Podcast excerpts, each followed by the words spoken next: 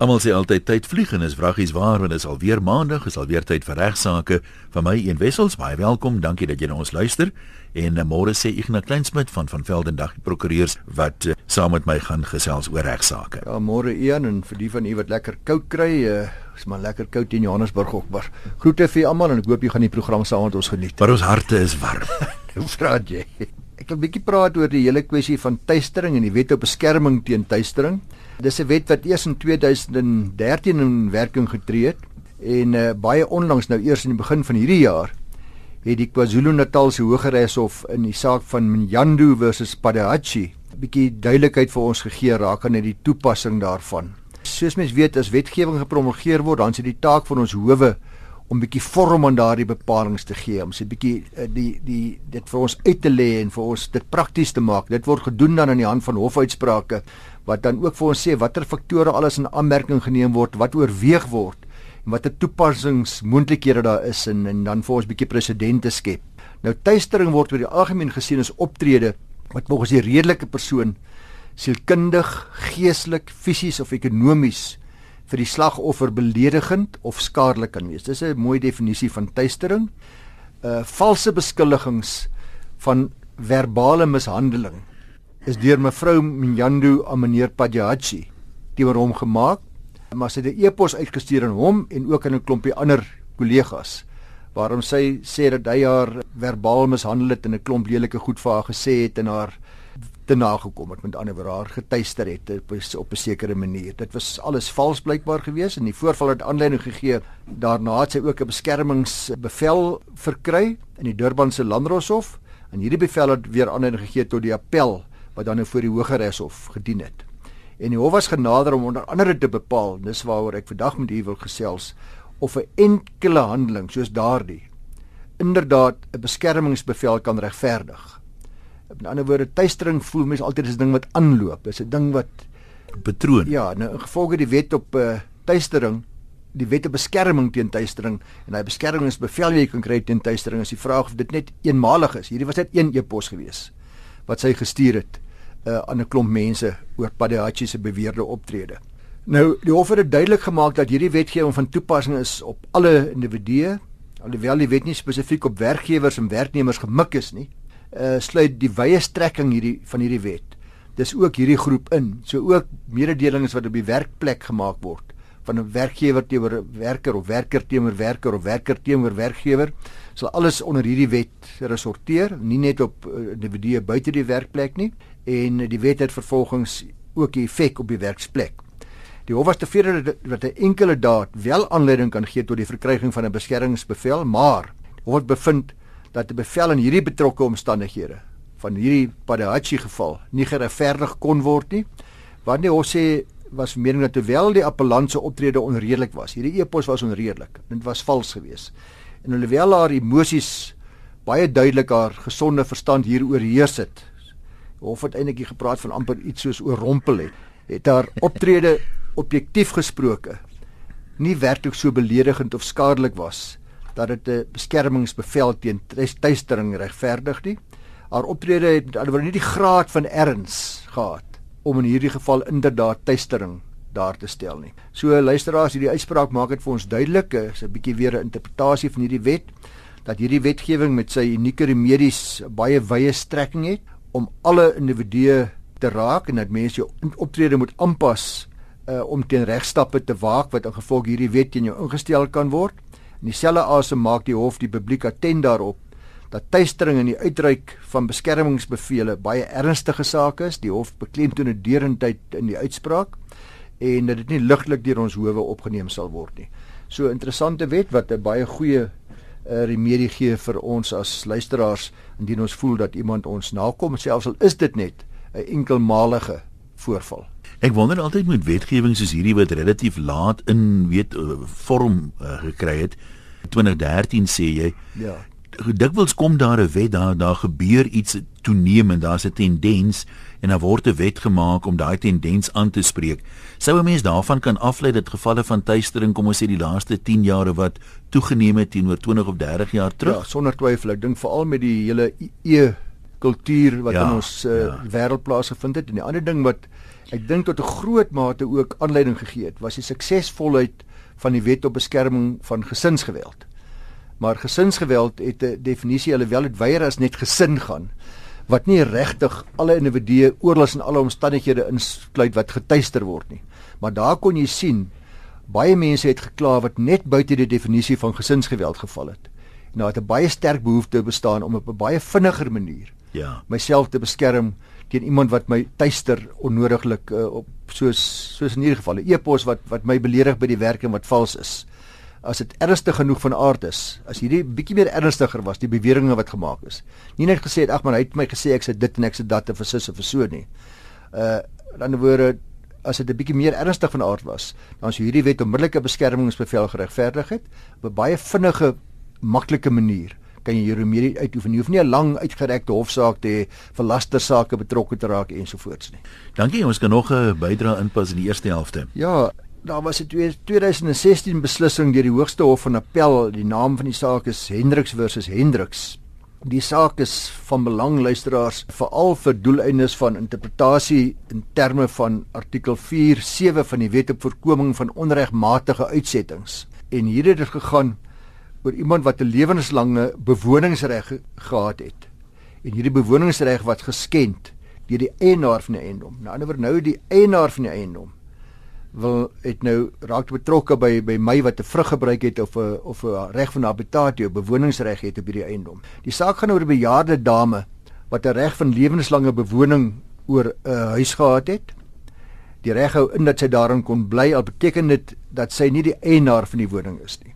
Nou so reg word dan teen die titelakte van die eiendom behoorlik geregistreer sodat hy daar uh, ook as sekuriteit vir haar regte dien en kan teen enige eienaar van die eiendom afgedwing word. Soos 'n vruggebruik, presies dieselfde. So as jy die eiendom verkoop, dan verkoop jy dit onderhewig daaraan. Nou in hierdie geval is maar weer hierdie saak dien ook bietjie weer as 'n waarskuwing vir ons almal vir almal moet ons so maklik afstand doen van ons eiendomsreg want hierdie dame was die eienaar van die woning. Maar toe sy nou ouer word, eh, sy was die voormalige eienaar, maar toe het sy die eiendom aan haar seun verkoop met die voorwaarde dat sy dan nou die reg van lewenslange bewoning het. Dit gebeur baie keer ook met die sogenaamde granny flat. Ja. Verkoop die huis, seun, jy kry hom, maar ek bly agter in die granny flat of ek bly in hierdie geval nou in die huis self solank as wat ek nog lewe. Nadat die eiendom verkoop was, het hy toe nou by sy ma ingetrek, nadat hy die eiendom by haar gekoop het, hy trek by haar in. Kort daarna, hier kom die moeilikheid nou is hy getroud binne gemeenskap van goedere. Mhm. Mm sy vrou het ook natuurlik op die perseel saam om kom bly. Nou bly skoonma en skoondogter saam in dieselfde huis. 'n Resep vir probleme in baie gevalle en soos mense kon voorspel of soos uh, die verhouding tussen die skoondogter en die skoonma ietwat vertroebel of redelik erg vertroebel. Mens dit kan aflei van die van die hofsaak.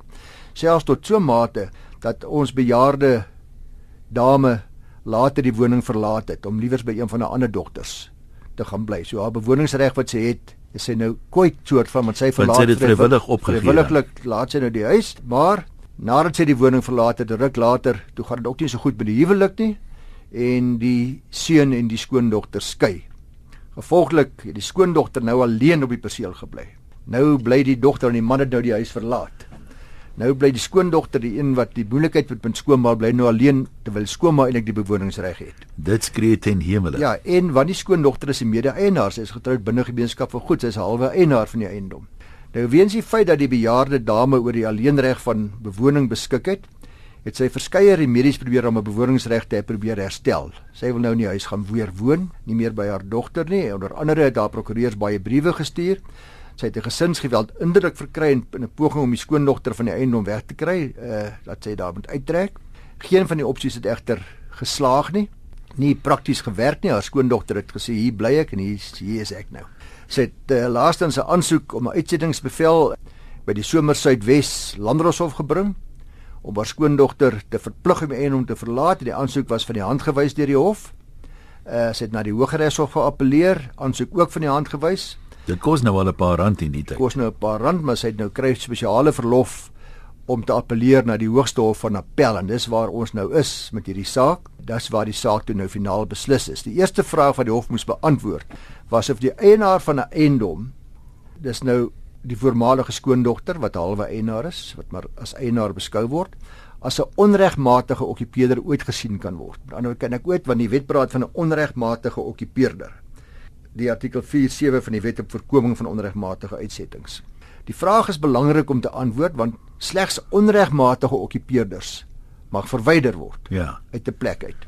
'n Onregmatige okkupeerder word dan omskryf as iemand wat die eiendom beset sonder die toestemming van die eienaar of die persoon in beheer van die grond.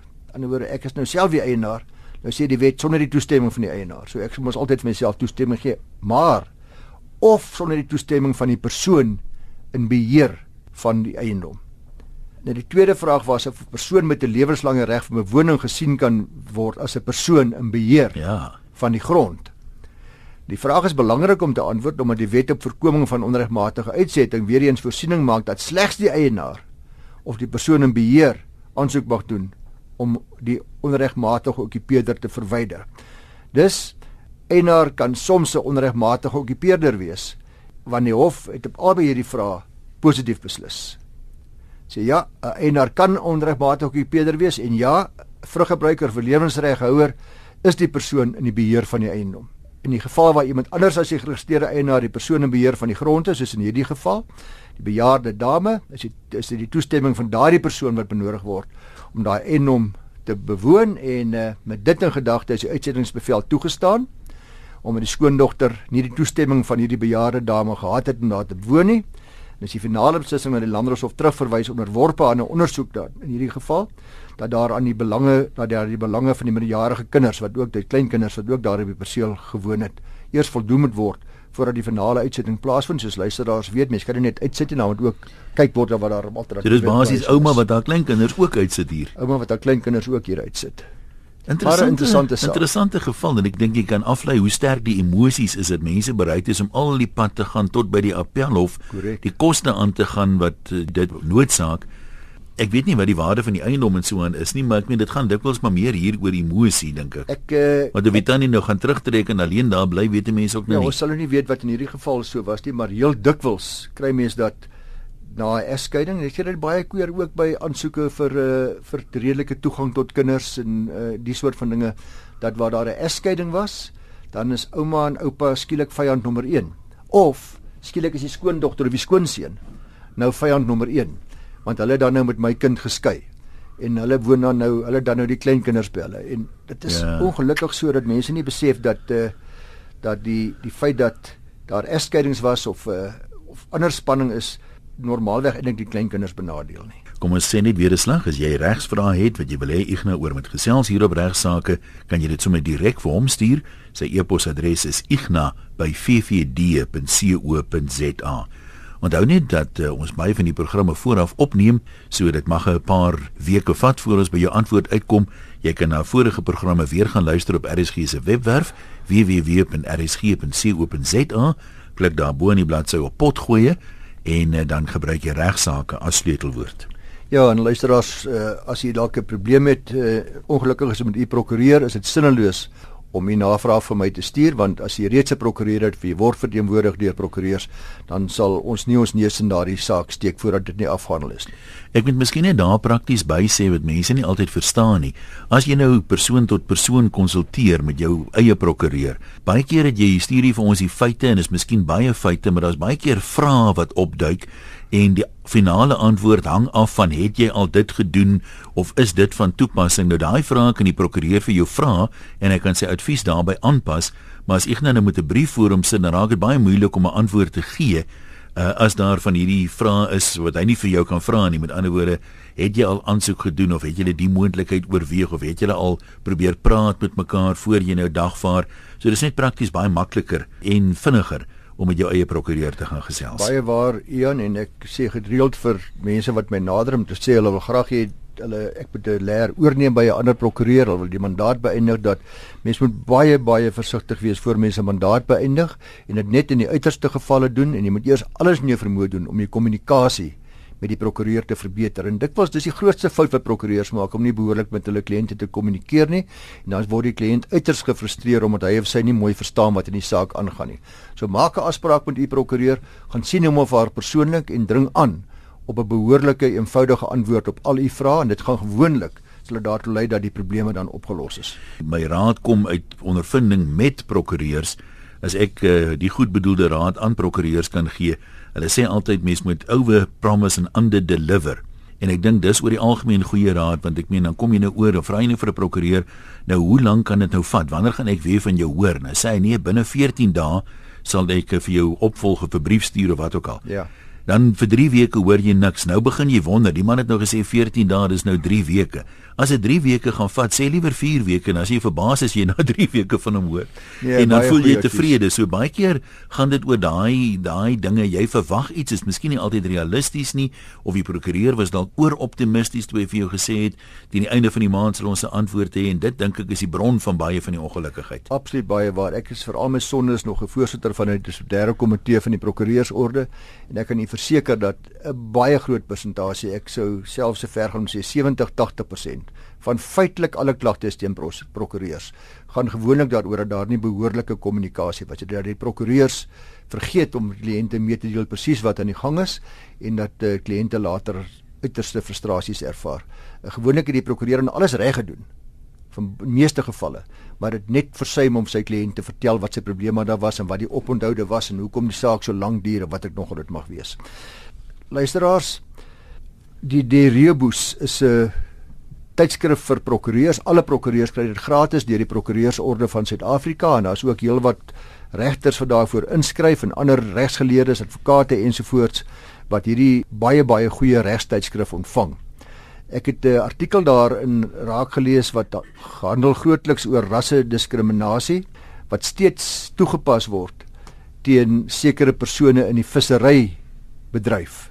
Nou ek kan nie onthou nou vinnig wie die wat dit ja, dit was 'n artikel deur Siyavuya Mzansi wat dit geskryf het en uh, volgens hierdie outeur word daar steeds aan wit persone voorkeur gegee om in sekere gebiede van die Langebaan Lagoon vis te vang ongeag die inwerkingtreding van die kleinskaalse visserybeleid wat sodanige praktyke verhoed. En ek het gedink dit is 'n interessante artikel wat dalk vir ons luisteraars ook 'n bietjie perspektief sal gee op hierdie groot probleem want soos jy weet daar word geweldige groot uh, spanning veroorsaak deur die hele beleid van die departement oor die visserman wat bestaan uit die enkel man die man op straat wat bestaan uit sy bietjie visvang daagliks maak.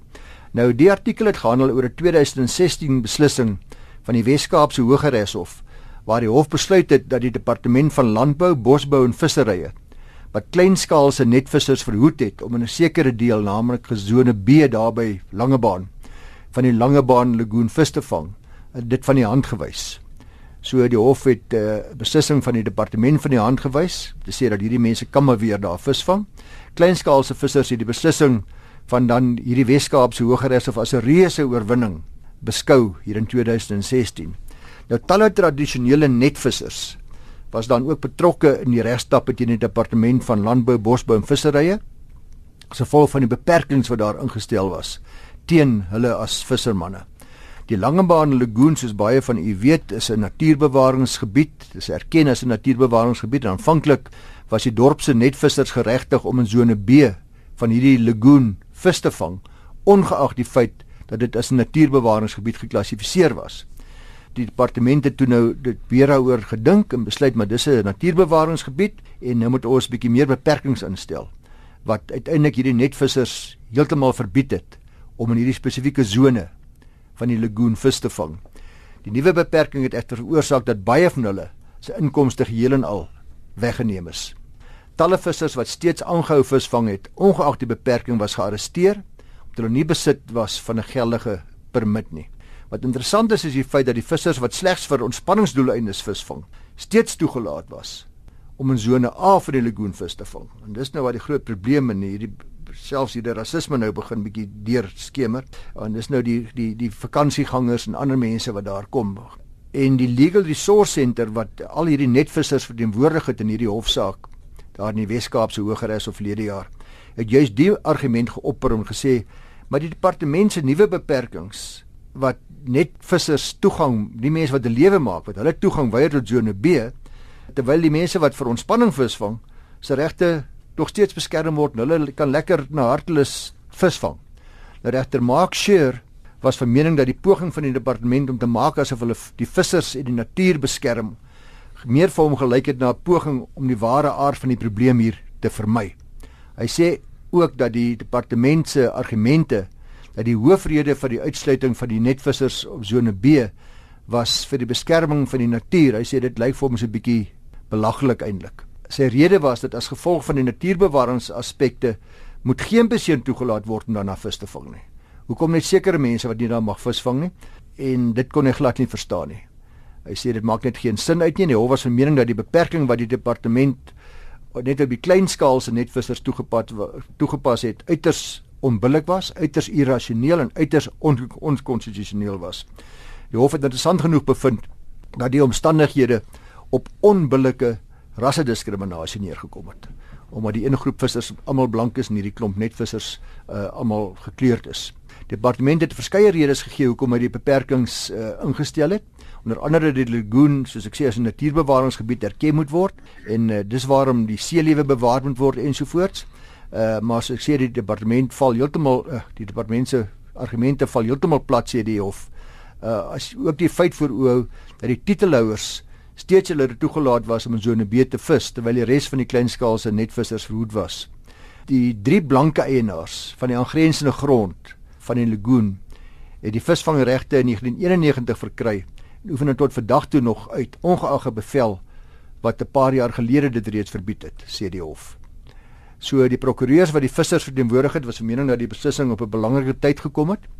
En dit is baie in die koerante ook geopper sien ek oor die laaste klompie maande, eintlik die laaste paar jare al eintlik, wat sê dat kleinskaalse vissers regoor Suid-Afrika groot probleme ondervind as gevolg van die kleinskaalse vissery beleid wat geïmplementeer word op 'n belaglike en 'n onbillike wyse deur mense wat hulle lewe daagliks maak en vir baie dekades al maak uit hierdie klein skaalse vissery.